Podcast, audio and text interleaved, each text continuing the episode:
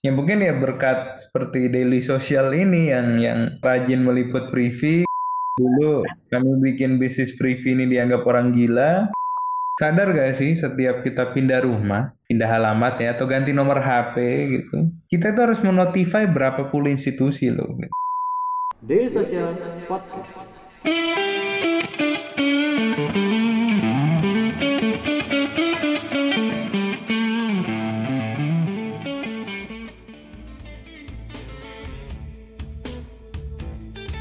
Eh kalau misalkan ngomongin tadi kan ya mas tentang keamanan dan memang harus dijaga juga secara digital. Tapi kalau misalnya secara lebih detail lagi mas, kita ngomongin tentang bagaimana sih mas uh, Privy ini menjaga keamanan data dari dokumen-dokumen yang ditangani lewat produknya Privy ini. Ya, oke. Okay. Pertama, Privy ID ini uh, salah satu startup pertama di Indonesia yang mendapatkan sertifikasi ISO 27001 2013. Itu adalah uh, standar internasional untuk manajemen keamanan sistem informasi. Jadi di saat kami dapat ini tiga tahun yang lalu, hampir startup satu belum ada yang dapat itu. Jadi memang uh, mulai dari hardware, software, maupun prosedur ya, prosedur ini training sumber daya, kemudian prosedur yang harus ditempuh dalam pengelolaan uh, server dan sebagainya itu memang semuanya top notch. Ya, sebenarnya selain ISO 27001 itu yang lebih berat juga karena kami penyelenggara sertifikasi elektronik, kami juga comply ke standar Web Trust versi E. Ini juga standar internasional khusus untuk pengelolaan uh, cryptographic keys ya, digital certificate tadi. Ini lebih ketat lagi sebenarnya. Nah, eh, itu sertifikasinya. Tapi apa yang dilakukan untuk untuk mendapatkan sertifikasi itu antara lain satu. Semua data pembuatan tanda elektronik itu tidak ada yang disimpan di hard disk atau di server biasa. Hmm. Semua disimpan di dalam yang namanya hardware security module atau biasa disingkat HSM. HSM ini ya bentuknya kayak server juga gitu ya. Cuma itu ada sertifikasinya, certified namanya FIPS eh, level uh, FIPS 2 level 3 yang kami pakai itu adalah sertifikasi military grade-nya Amerika Serikat. Nah, alat military grade ini sangat mahal. Per buah itu bisa miliaran dan kami punya 9 buah saat ini. Fungsinya apa? Jadi mereka itu khusus cryptographic hardware ya di mana kalau ditemper gitu mau coba diretas, coba dihack, itu mereka akan otomatis men-self destruct semua data pembuatan tanda-tanda elektronik yang tersimpan di dalamnya. Gitu. Itu pertama. Yang kedua, itu tadi bicara data pembuatan tanda-tanda elektronik. Bicara dokumen ya, yang ditandatangani ya, kontrak apa, invoice, uh, surat kuasa segala macam tanda tangan di privy gitu ya itu semua diprotek dengan yang namanya transparent encryption. Nah, itu bisa teman-teman Google sekarang transparent encryption. Nah, transparent encryption itu memastikan agar data address ya, data yang sedang di-store di file server kami itu kalau diakses dari belakang dari database gitu. Admin database kemudian bukalah misalnya kontrak si A gitu ya. Itu malah encrypted. Nggak bisa dibuka nggak bisa dibaca nggak bisa dipahami sama sekali oleh kami. Ya hanya kalian yang punya privy ID dan password yang benar punya akses dari depan buka filenya itu bisa unencrypted bisa dibaca. Justru kami kami ini dari belakang nggak bisa dibaca. Itu kami beli teknologi itu juga mahal sekali gitu Nah, kemudian prosedur. Nah, tadi hardware, software, prosedur bagaimana? Ini ketat sekali. Jadi saya sebagai CEO pun kalau mau ngutak-ngatik uh, admin uh, penyelenggaraan tanda tangan digital ini uh, nggak bisa sendirian. Jadi kami ini punya masing-masing komisaris direksi itu punya kartu, kartu akses dengan PIN yang untuk masing-masing kartu. Ya kemudian uh, ada quorumnya. Quorumnya itu adalah uh, 4 per 8. Jadi empat orang itu harus bersama-sama datang ke data center dan by the way kami tidak pakai cloud ya data centernya fisik kalau untuk uh, ya. infrastruktur kunci publik ini dan data, data centernya juga sudah uh, certified uh, Uptime Institute Tier 4. Nah kami harus datang ke sana, colok kartunya nih saya duluan masukin pin cabut. Orang kedua colok masukin pin cabut. Orang keempat baru bisa masukkan pin panel. Jadi enggak bahkan CEO Privy pun tidak tidak tidak bisa gitu ngutak ngatik itu sendirian. Ya kurang lebih begitu Mas Ilham. Berarti udah ada sertifikasi dan juga sistem dan prosedur yang aman lah dan berlapis tadi ya Mas ya untuk menjaga keamanan data dan pengguna produk. Betul. Memang security is the core of our operation karena ya kalau memang kalau ada perusahaan e-commerce gitu atau ride hailing kemudian eh, diretas datanya bocor ya mungkin they, they could still survive karena ya bisnis utamanya kan ride hailing dan jual beli barang. Tapi Hmm. kalau bisnis seperti kami nih amit-amit gitu ya sampai diretas selesai deh gitu. Jadi ya memang setiap hari security, security, and security. Dan eh, ngomongin tentang ini Mas tadi Mas Marshall juga sebenarnya sempat menyinggung ya eh, penggunaannya juga eh, mulai meningkat di eh, karena perusahaan sudah mulai melakukan remote working, work from home dan eh, karena pandemi ini nah Mas eh, yang mau gue tanya nih eh, gimana Mas kalau dari Privy ID sendiri pening- peningkatannya seperti apa nih Mas setelah masa pandemi ini apa? Dan ada use case use case baru yang muncul gitu karena penggunaan produk di masa pandemi ini. Ya, kalau use case baru sih yang menonjol e-restructuring ya. Jadi karena memang dorongan pemerintah juga semua lembaga keuangan harus memberikan keringanan bagi debiturnya. Heeh. Ya, Jadi kan mereka harus tanda tangan kontrak ulang kan. Tadi misalnya cicilannya 24 bulan gitu sekian. Nah, itu dijadi di restructuring jadi 48 bulan supaya cicilannya lebih ringan bagi eh, nasabah-nasabah yang memang eh, kesulitan gitu untuk eh, membayar kreditnya ya karena ya reperkusi dari COVID ini kan terhadap perekonomian besar sekali. Nah, ini hampir semua lembaga keuangan itu melakukan restrukturisasi itu. Dan tentunya, apalagi di awal-awal pandemi dulu, kan ngeri juga kalau tatap muka gitu kan, datang ke rumah debitur, tanda tangan nih Pak, amandemen tadinya cicilan sekian jadi sekian gitu kan, bunganya diturunin gitu jadi sekian. Ya itulah butuhnya e-restructuring. Jadi cukup banyak lembaga keuangan yang mulai mengadopsi itu. Tapi ya di luar itu tadi penggunaan internal jadi banyak lah, maksudnya kontrak dengan supplier, approval purchasing internal, ya approval BOD, BOC, gitu direksi yang dari tanda tangan basah hari-hari ya jadi jadi pakai Privy ID itu banyak sekali. Jadi kami itu kan sampai awal awal 2019 tuh ya corporate lain 200-an gitu ya. Per hari ini 400-an menuju 500-an gitu. Jadi eh, memang dalam sekian bulan peningkatannya jauh sih. Gitu.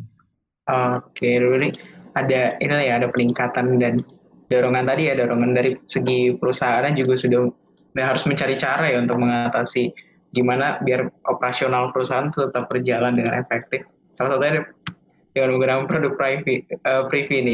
Iya. Dek,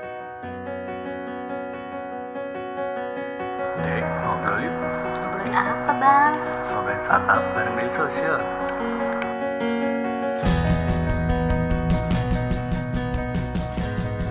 Daily Social Podcast.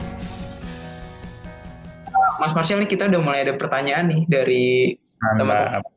di YouTube nih ya dari Hey RV atau Hey R5 nih gimana nih pronounce-nya Mas Eh, dia mau nanya saya mau menanyakan kalau tanda tangan ah ini benar nih Mas kalau tanda tangan basah kan kita menggunakan materai ya Mas ya ini mungkin dari edukasi produk juga deh. dan kalau misalkan tanda tangan basah pakai materai kalau tanda tangan digital tuh kira-kira menggunakan apa Mas Eh, dalam mengganti materai ini dan dia tanya juga apa tantangan dalam mempopulerkan tanda tangan digital di Indonesia. Right. Oke.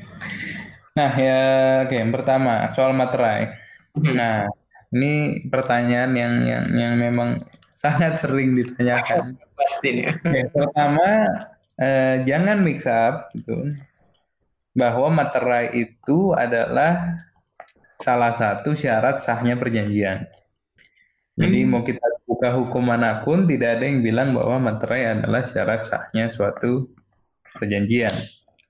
Itu syarat sahnya perjanjian itu apa ya Pak? Pihaknya nggak di bawah umur gitu kan. Tidak punya penyakit mental, tidak di bawah paksaan, eh, soal sebab perjanjiannya itu sesuatu yang tidak melanggar hukum gitu ya, bukan perjanjian eh, pembunuh bayaran gitu misalnya. Itu syarat-syarat sahnya perjanjian. Jadi materai ini itu adalah suatu kewajiban terpisah, yaitu kewajiban kita untuk membayar pajak pada negara, kutipan pajak dari negara. Seperti itu. Nah, kebetulan Undang-Undang Materai itu tahun 85 hingga sampai saat ini belum diubah. Jadi kalau googling beberapa minggu lalu baru Ibu Sri Mulyani bilang eh, amandemen Undang-Undang Bea Materai tersebut baru akan dibahas dengan DPR. Nah, sehingga eh, nanti di undang-undang baru itu baru mereka mengcover materai digital. Ah, Nah, jadi undang-undang yang saat ini yang dari tahun 85 itu itu hanya mewajibkan materai untuk dokumen A, B, C, D ya maksudnya surat kuasa, bukti penerimaan uang, perjanjian dan seterusnya. Itu eh, kalau kita lihat di definisinya di pasal 1 dokumen adalah apa? Dokumen adalah kertas. Nah, Nah. sehingga kalau dokumennya ditandatangan secara digital, tidak dicetak bentuknya tidak kertas, maka kewajiban untuk membayar bea materai tersebut belum muncul. Sehingga ya nggak usah pusing bayar materai dulu saat ini. Nah, di berita-berita barusan seminggu ini, baru dibilang, Menteri Keuangan bilang nanti undang-undang ini mengcover dokumen digital, baru siap-siap bayar. Nah, nanti materai digital seperti apa sistemnya, ini juga sedang kami komunikasikan nih, gitu kan eh, masih jauh sekali masih masih di tahap awal rancangan undang-undang ini itu nah pertanyaan yang kedua tantangan mensosialisasikan tanda-tangan digital. Eh tantangannya gini sih. Eh, kami ini Privi ini kan sampai 2020 ya sampai tahun ini itu kami itu baru menghimpun dana investment itu ya kecil sekali lah gitu dibandingkan perusahaan-perusahaan lain yang seumur dan investor kami itu tidak ada yang visi kalau disa- di- dilihat investornya Privi ini semua corporate eh, apa namanya eh, corporate visi gitu bukan pure venture capital ya ada Telkom ada Telkomsel ada Bank Mandiri ada Gunung Sewu Group dan sebagainya. Nah, nah dengan funding yang terbatas itu ya kami mau mau beriklan tuh tidak pernah ada budgetnya gitu. Ya, kemudian kami mengadakan seminar lah misalkan dengan dengan ikatan notaris, dengan ika dengan asosiasi advokat gitu, dengan dengan Mahkamah Agung misalnya, dengan kepolisian, dengan pihak-pihak terkait lah, OJK, BI dan sebagainya juga terbatas ruang geraknya itu sih yang paling kami rasakan. Tapi ya dengan apa adanya, bukan dengan apa adanya sih, dengan diada-adain gitu ya. ya kami lakukan semua sosialisasi itu bertertatih-tatih selama dari 2014 sampai 2019. Eh tiba-tiba 2019 begitu tadi itu yang kan Permen Kominfo keluar 2019 akhir ya. Langsung tiba-tiba banyak kompetitor. tiba-tiba muncul kompetitor ada satu dua tiga empat sekarang gitu nah sehingga ya apa ya ya mungkin ya berkat seperti daily social ini yang yang yang rajin meliput Privi gitu ya sehingga dulu kami bikin bisnis Privi ini dianggap orang gila sekarang orang lihat wah kayaknya hebat bisnis data digital tiba-tiba banyak yang langsung buat gitu Uh, itu sih tantangannya. Jadi udah sah payah sosialisasi dengan limited resources. Uh, sekarang peraturannya sudah ada, tadi jalanannya udah ada, listriknya sudah ada, bank-bank udah mulai aware. Eh, kompetitor masuk. Ya dengan mudah mereka nggak perlu ngulang dari nol. Legalitasnya begini loh keamanannya begini tinggal sama kita juga udah diaudit sama kominfo kelar. Gitu sih paling. Oke, jadi oh jadi justru eh, di satu sisi tadi eh, peraturan dari Menkominfo tadi meningkatkan pertumbuhan, tapi di satu sisi juga memunculkan kompetitor-kompetitor baru ya, Mas ya. Ya, betul dan liputan-liputan media gini nih saya yakin nih habis kita selesai acara nih besok muncul lagi kompetitor satu gara-gara nonton Daily Social nih Iya, melihat oh wah ternyata cukup promising nih eh, bisnis digital signature langsung buat startup ya. Jangan lupa subscribe Ngobrolin Startup Daily Social Podcast di SoundCloud, Spotify, atau aplikasi podcast favorit kamu.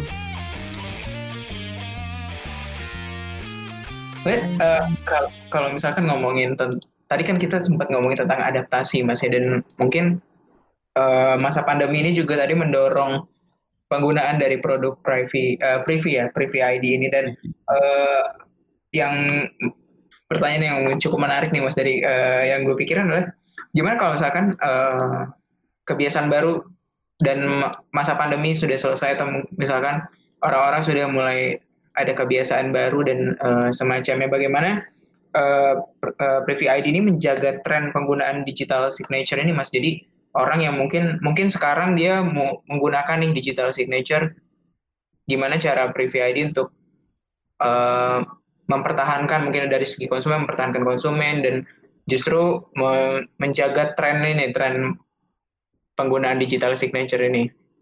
Iya, ya memang ini periode-periode yang kritis banget buat kami.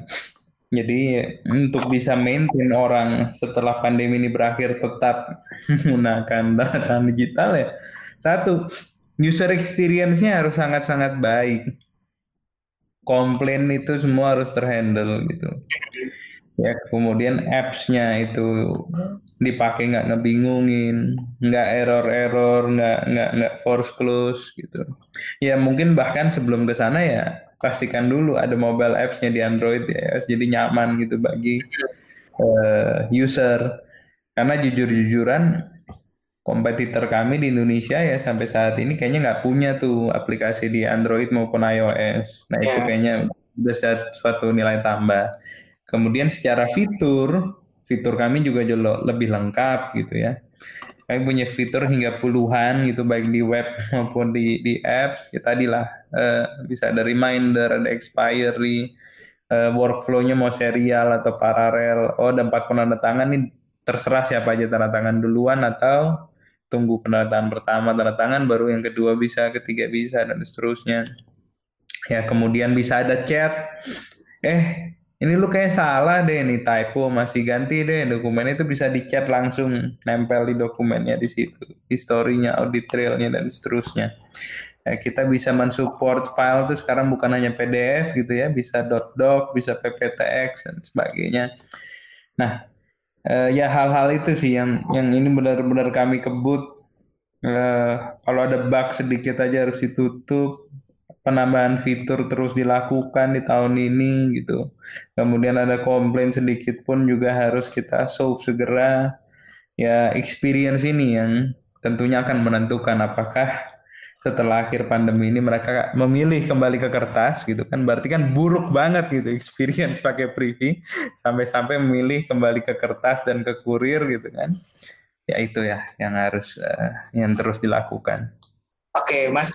Eh, tapi kalau tadi eh, aku ngintip di YouTube juga nih ada yang nanya kalau misalkan visi besar dari eh, visi besar dari Privy ID ini sebenarnya apa, Mas? ya kalau Tujuan tadi utama. Boleh cerita flashback sedikit ke belakang tadi bahwa memang visionnya itu dulu digital identity dulu sih sebelum digital signature. Jadi ya sebenarnya digital signature ini bukan vision.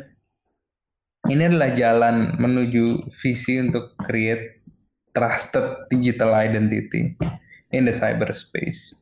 Jadi cita-cita gue dulu sederhana sebenarnya sadar gak sih kita setiap kali buka rekening bank baru, mau sign up asuransi baru, apply kartu kredit baru, atau bahkan daftar apps online gitu ya, mau daftar jadi jadi merchant di Grab atau Gojek gitu, mau daftar jadi merchant di Topet, di Bukalapak gitu, atau ya bahkan mau jadi pasien baru di rumah sakit, kita selalu harus ngisi data diri yang puluhan field nama depan, nama belakang, alamat, RT RW, kecamatan, kelurahan, tempat lahir, tanggal lahir, untung nggak diminta jam lahir gitu ya. Nama ibu kandung, nama kontak keluarga darurat yang tidak tinggal serumah, nomor telepon kantor, you name it lah, email kantor dan seterusnya. Kenapa sih harus melakukan itu berkali-kali? Filosofinya adalah Ya karena para lembaga itu memang butuh butuh mengenal kita, butuh data-data itu. Kemudian mereka bahkan takes time kan. Lo apply kartu kredit kan nggak langsung kartu kreditnya jadi hari itu. Karena mereka harus memverifikasi benar gak lo nulis alamatnya benar gak didatengin rumahnya kan ada surveyor datang ke kantor datang ke rumah ya cita-cita gue sebenarnya ketika ada suatu perusahaan yang bisa melakukan itu semua gitu jadi ya masyarakat tinggal daftar ke perusahaan itu. Lu tinggal daftar ke Privy ID, Privy ID yang verify itu. Oh benar, you are who you claim to be gitu. Lu ngaku nama lu ini nikahnya. Tadi kita cek selfie lu dengan facial recognition, kita matching gitu ke foto yang dulu di foto waktu bikin KTP dan seterusnya. Nah, ya dengan begitu, lu dengan nyaman tuh setelah itu lu mau mau daftar jadi pasien baru rumah sakit, mau daftar di gym gitu, bahkan mau daftar apa member toko kosmetik atau dev store, ya lo tinggal scan aja QR code gitu, uh, apa QR code privy yang ada lah di meja resepsionisnya pakai apps privy. Toko ini minta data A, B, C, D, E, lu review, lu agree buat kasih data itu, lu klik yes, formulirnya otomatis keisi, Habis kan biasanya kita suruh tanda tangan kan, mau jadi pasien baru, mau buka rekening mana tanda tangan, ya udah tanda tangan di apps preview juga. Selesai, itu itu visi besarnya. Ya cuman ternyata ya mencapai itu sulit dulu jualan itu nggak laku. Lebih masuk akal jualan tanda tangan digital dulu. Jadi akhirnya ini dulu yang kita tempuh. Nah mulai sekarang ada beberapa use case beberapa bank itu sudah bisa apply kartu kredit online menggunakan tombol ada tombol login with Privy ID seperti tombol login dengan sosmed lain gitu ya. Uh, sehingga kalian nggak usah ngisi ulang tuh waktu mau apply kartu kredit online nama, tempat tanggal lahir, NIK dan seterusnya akan autofill. Nah, tahun depan kita akan expand ini ke dunia offline setelah nanti pandemi mulai berakhir. Tadi lu tinggal scan QR code di mana-mana, lu nggak usah ngisi-ngisi lagi formulir data diri sumur hidup. Nah itu visi gue sederhana itu.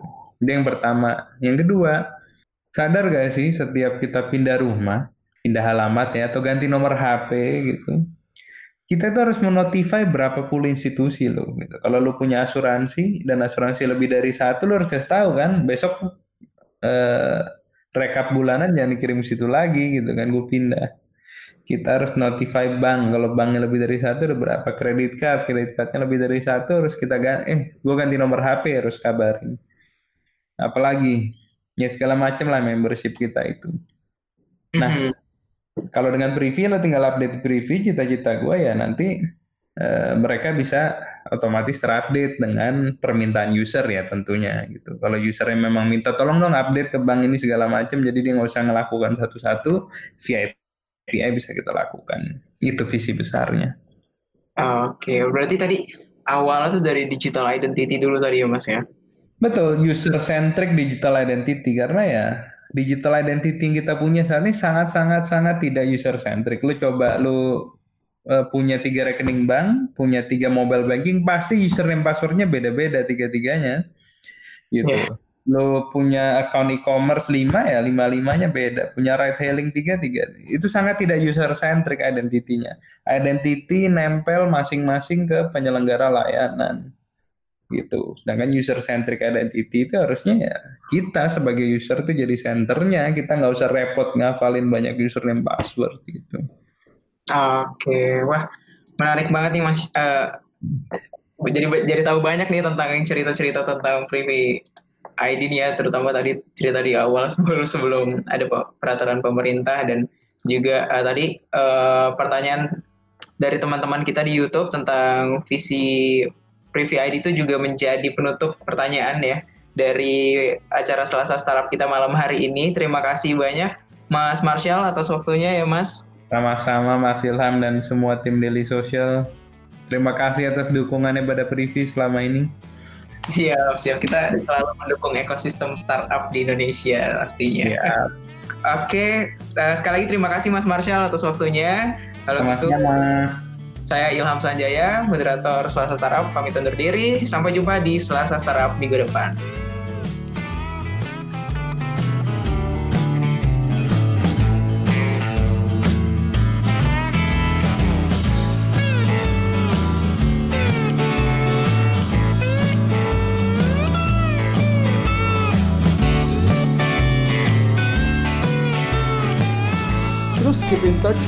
Kita di dailysocial.id untuk website kita. Di Facebook kita ada dailysocial.id, di Twitter kita ada @dailysocial dan di Instagram kita ada @dailysocial.id. Di LinkedIn kita ada Daily Social dan di YouTube kita ada Daily Social.